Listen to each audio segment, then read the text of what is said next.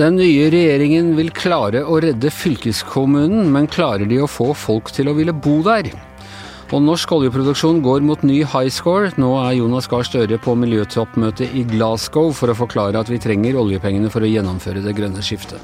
Dette er Gjengen. Det er mandag den 1. november. Og en ordentlig 1. november er det her i hovedstaden, Tone Sofie. Du kom akkurat gjennombløt inn, inn her. Ja, himmelen åpna seg akkurat når jeg skulle gå ut døra. Ja, ordentlig grått og forferdelig er det. Åssen er det i Glasgow, Astrid? Ja, det er fint, tror jeg. Ehm, jeg sto opp eh, før soloppgang, og siden jeg har vært innlåst i en stor sånn der uh, venue, stor hall, så vanskelig å si, men det ser ganske bra ut. Ja. Det er også, 1. november er også i Finland sjalusidagen. Uh, og det er en dag de høres jo litt finsk ut egentlig, men det er altså ikke noe de har funnet på sjøl. Det er sikkert et sånn finsk drama om det. Ikke sant. Det, ja, det høres jo veldig sånn uh, gammelt finsk fjernsynsteater om sjalusi på, på gården. Men uh, men det er altså New York Times som har gitt dem det navnet fordi det er den dagen hvor uh, finnene, i likhet med nordmennene på andre datoer, har lov til å se legger ut ligningen, så at vi kan sjekke hva, hva naboen uh, tjener. Og det, er, det har sjokka New York Times, og de mener det er en misunnelsesdrevet uh, greie. Hva, hva, tenker du om det, Tone Sofie? Er det Jeg skjønner hva de mener, for å si det sånn. Ja. Det er Eh, det har vel hendt at man har eh, tenkt en stygg tanke når man har sjekka ligninga til ekser eller andre. Ja. Nei da. Eh, ok, men Astrid. Du er altså i Glasgow. Der er alle verdens toppledere for tiden, inkludert den norske topplederen Jonas Gahr Støre. Og du har vært på pressekonferanse med han nå? Ja, ja. Han starta mandag morgen sammen med klimaminister Espen Barth Eide og holdt pressekonferanse her på COP26, som er altså det 26. møtet i sin form i Glasgow, der de skal bli enige om å finansiere klimatilpasning og få ned de fossile utslippene og ja, redde skogen. Og Hvordan uh, forklarer han dette med at uh, Norges oljeproduksjon nå uh, går mot en all time high?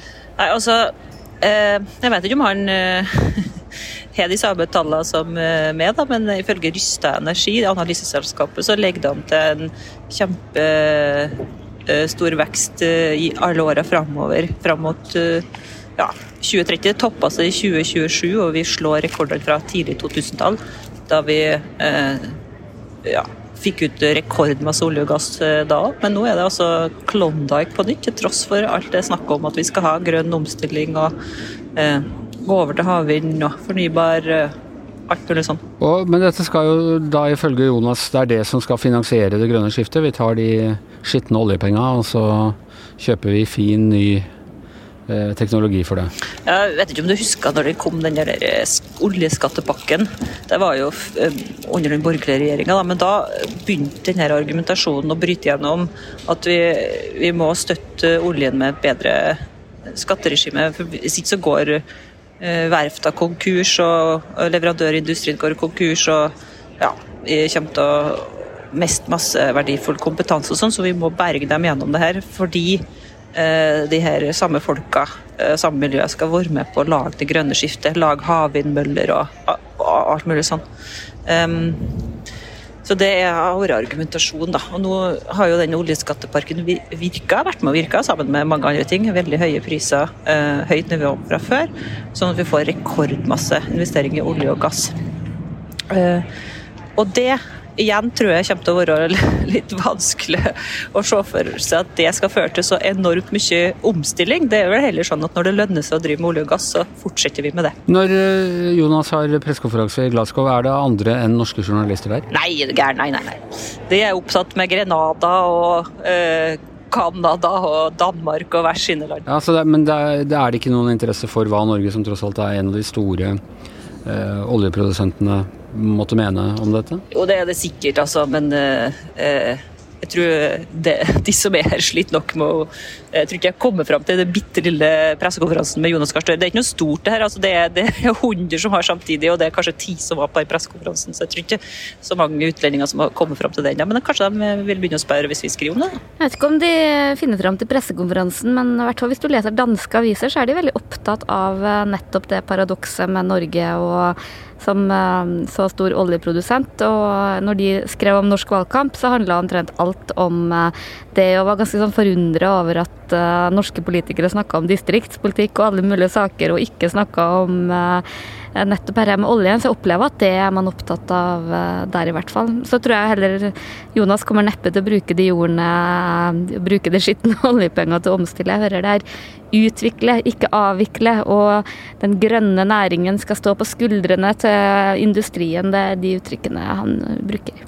Hvordan tror du det er å selge dette på i Glasgow, den typen argumentasjon, Astrid? Jeg tror ikke noen andre kjøper den, egentlig. Det er sånn norsk, et norsk talepunkt som har eh, fått rot i Norge, og som har spira i Norge, som jeg tror de fleste andre bare rister på hodet av har nevnt det for noen utlendinger allerede som syns at det som fniste litt av det, det greiene. Jeg skjønte ikke helt hvordan det der hang, hang sammen. Um, så jeg tror, ikke, jeg tror ikke heller at økonomiske eksperter er med på det der at vi får omstilling med å støtte opp under den gamle industrien som skal bort. Det, jeg tror ikke det er i tråd med økonomisk teori. Men jeg spora Jonas Gahr Støre om det i stad. Han sa at, at det her er ting som kan styres delvis av staten. og vil ha en mer aktiv statlig næringspolitikk, som vi har fått hørt i de siste ukene. Så det betyr vel kanskje at de vil bestemme at det skal lages mer havvindmøller videre. Hva skjer ellers i Glasgow nå den nærmeste tiden? Det er nå ved åpningen alle bigshotene er der. Jonas skal videre allerede i morgen til Nordisk råd, var det ikke sånn? Ja, nå er det helikopterlyd over hallen her konstant, så du kan jo lure på om det er en eller annen hotshot som kommer med, med helikopteret sitt. Det, det, gjorde jo Obama skal jo komme, og han kom vel med helikopter på siste koppen. Og Bill Gates har jo tatt privatfly, og det har jo Mette Fredriksen òg. Sånn at det er jo masse sånne Prinsen. Kommer Trump? Ja, Trump tror ikke kommer. Jeg har ikke hørt noe om det, men Joe Biden, da, selvfølgelig. Og, og uh, Camilla og og hennes ektemann, han som skal bli konge, Charles, og så sønnen William og kona Kate. Eh, masse, masse sånne ting, men vi har ikke sjanse til å få sett noe av dem. De er, de er et eller annet sted rundt hjørnet som ikke har sånn fancy nok akkreditering til å komme inn på.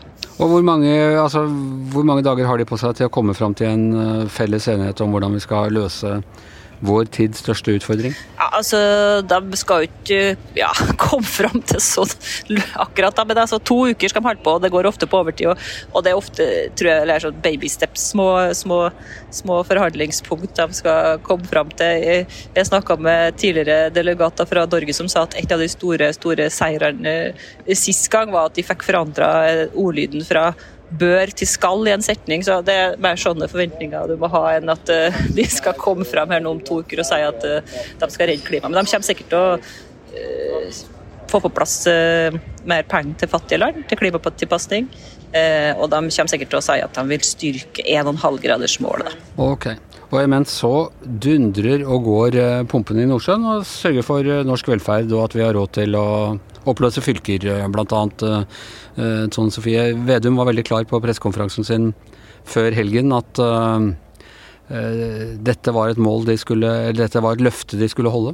Ja, de har allerede sendt brev til Troms og Finnmark. Jeg er litt usikker på om det kommer fram, da, for postgangen er jo litt sen om dagen, om at uh, søknaden om skilsmisse er innvilget. Ja. For I dag så har Bjørn Arild Gram som statsråd og vegne av den norske regjeringa sendt et brev til Finnmark og Troms, eller Troms og Finnmark fylke, og der det står måtte rett ut at nå skal de to fylkene gjennomstå. Ja, Dette er altså Det er jo ikke ukontroversielt i Troms og Finnmark heller. Det er jo en del i Finnmark som fortsatt mener at, at det ikke er noe poeng i å reversere denne utviklinga? Ja, det, det, er vel sånn tre leire. I, I Troms så har man jo vært veldig for. Det er jo veldig typisk. Den største har jo ikke noe mye å tape og vil jo gjerne bli Større? Sent, ja, ja, og bli senter. Men der tror jeg følelsen er at det her er bare så mye bråk og konflikt og ikke minst gjeld. Det er jo det er jo ikke et uh, fylke som har en veldig enkel økonomi i Finnmark heller, så jeg tror de er bare glad til å, å, å bli ferdig med det her. Uh, I Finnmark så er det jo i stor grad enighet om at uh, denne her sammenslåinga var bare tull, ødeleggende, veldig sterke ord som ble brukt. Vi så nesten sånn der Det brente land og krigsretorikk som ble brukt enkelte steder. Og gjerne jo lenger øst du kom, jo mer aggresjon mot sammenslåinga. Og så har du de områdene hvor det er eh, stor ambivalens, eh, særlig rundt eh, Alta. Og eh, randkommunene der, om jeg kan bruke det ordet, for såpass spredtbygd område. Eh, for de føler nok en mer tilhørighet mot eh, Tromsø. Det er en stor sykehusstrid der, og syns at det blir litt sånn i bakevja og tilbake til Vadsø, som ligger langt eh, øst i, i, fylket. Så det er, nok ikke, det er nok ikke bare god stemning der, men det blir vel, det blir vel en oppløsning, det er vel liten tvil om. Men samtidig med dette så kommer det altså ganske dramatiske tall som du snakket om på morgenmøtet i dag. Var det Nordlys som har, eh, som har presentert det, med, med eh, fødsel, altså voldsom nedgang i fødselstallene i de fleste kommuner i Finnmark? Ja, det, og det er avisa Nordlys ja, i Tromsø som har publisert en veldig interessant sak som i realiteten viser at uh, en del kommuner i, i Troms og Finnmark Eh, ja, rett og slett gå mot stupet. Det finnes til og med kommuner hvor det ikke har vært en eneste barnefødsel de siste tolv eh, månedene. Men eh, det man viser at det er faktisk elleve kommuner i Troms og Finnmark som har hatt færre enn ti fødsler det siste året. Og i Finnmark så er det sånn at det er bare tre av de 14 kommunene som har mer enn enn 25 fødsler i året, deriblant uh, Vadsø. Og det, uh, det, er faktisk så ille at hvis du tar um, ja, seks av de her uh, svakeste kommunene, Gamvik, Lebesby, Berlevåg, Ibestad, Gratangen, Lavangen ble mye name-dropping av kommuner her. Men hvis du tar og legger de sammen, barnetallet siste året, så er det faktisk 30 unger nok til én skoleklasse på seks kommuner. Og det er ganske dramatisk. Ja. Hva skyldes det? Nei, det, det, er flere årsaker. Det har jo vært en veldig fallende trend over uh, lang tid, men det har blitt uh, Det har nok blitt litt kamuflert av uh, innvandring, som har gjort at det ikke har kommet så tydelig fram. og det som vi ser over år, som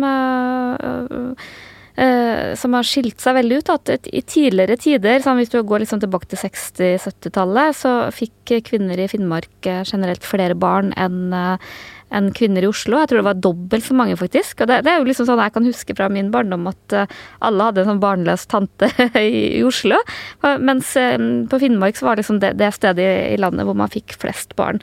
Det har endra seg. Nå er det liksom uh, en lik utvikling i i antall barnefødsler. er ikke noe Men den er lik? Den er ikke, det er ikke mindre færre som får barn? Nei, det er det ikke. Men, men, det har liksom gjort at det har vært eh, større barnekull fordi hver person har fått flere barn. Og, og, sånn er det ikke lenger. Det er ikke lenger en forskjell på en familie i Oslo eller en familie i Finnmark. I hvert fall ikke sånn markant, da. Og det gjør at det blir Og, og det er også veldig markant. Jeg var jo i Finnmark i, i forrige uke. og og, og se hvor, eh, hvor, lite unge mennesker det er, hvor lite ungdom det er. Det, det er uh, rett og slett mange kommuner med veldig mange eldre, og det er jo særlig de eh, årene etter krigen at det ble født veldig mange barn i Finnmark. Men hva kan man gjøre? Skal man høyne kontantstøtten eller billigere barnehageplasser eller altså bruke sånne vanlige incitamenter som man har, har, brukt i norsk politikk for å øke mm. Nei, man kan jo gjenopprette fylkeskommunene, så det, ja, det hjelper. Vil det hjelpe?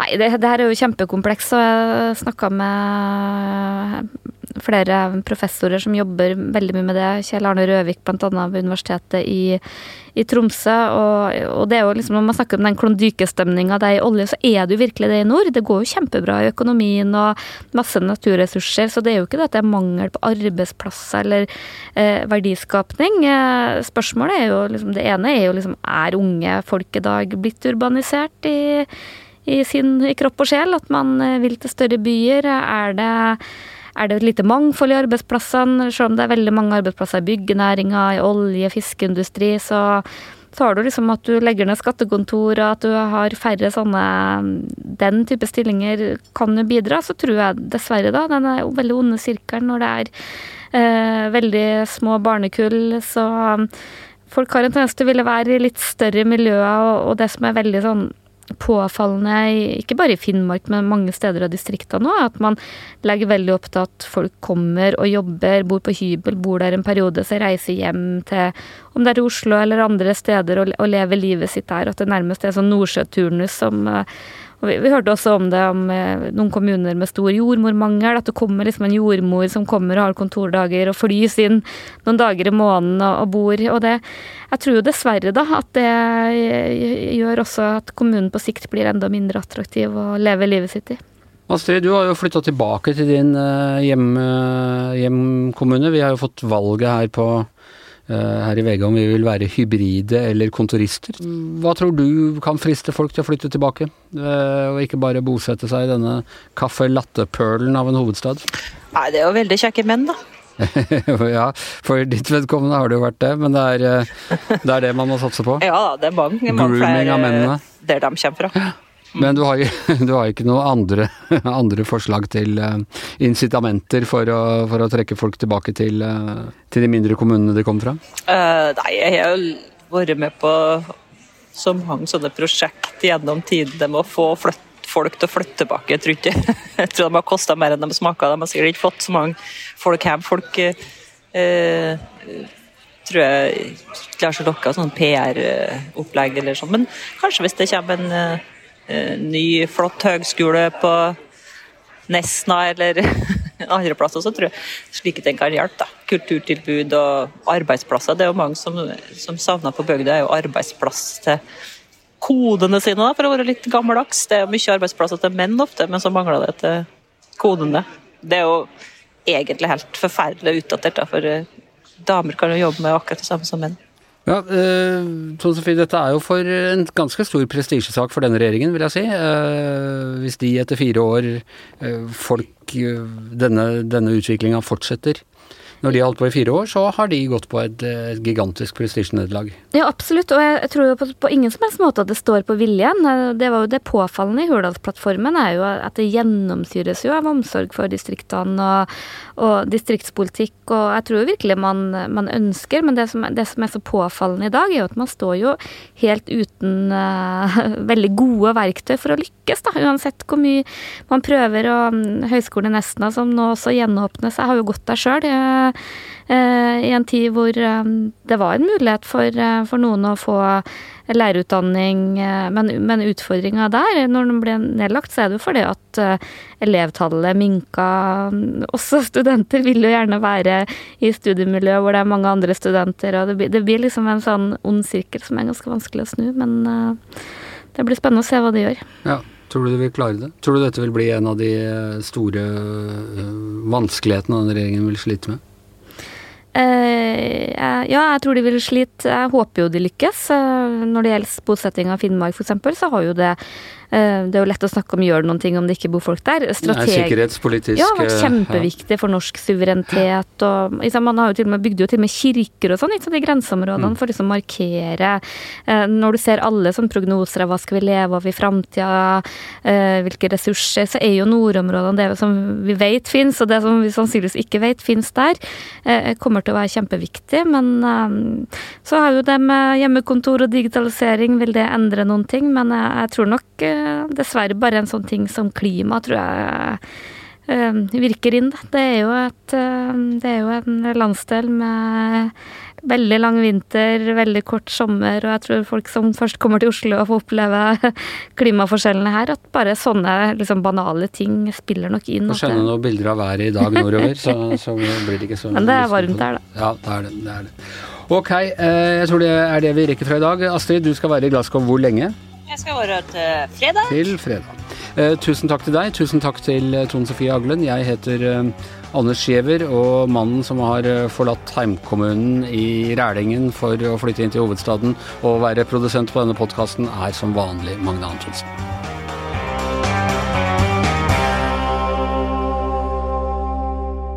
Du har hørt en podkast fra VG.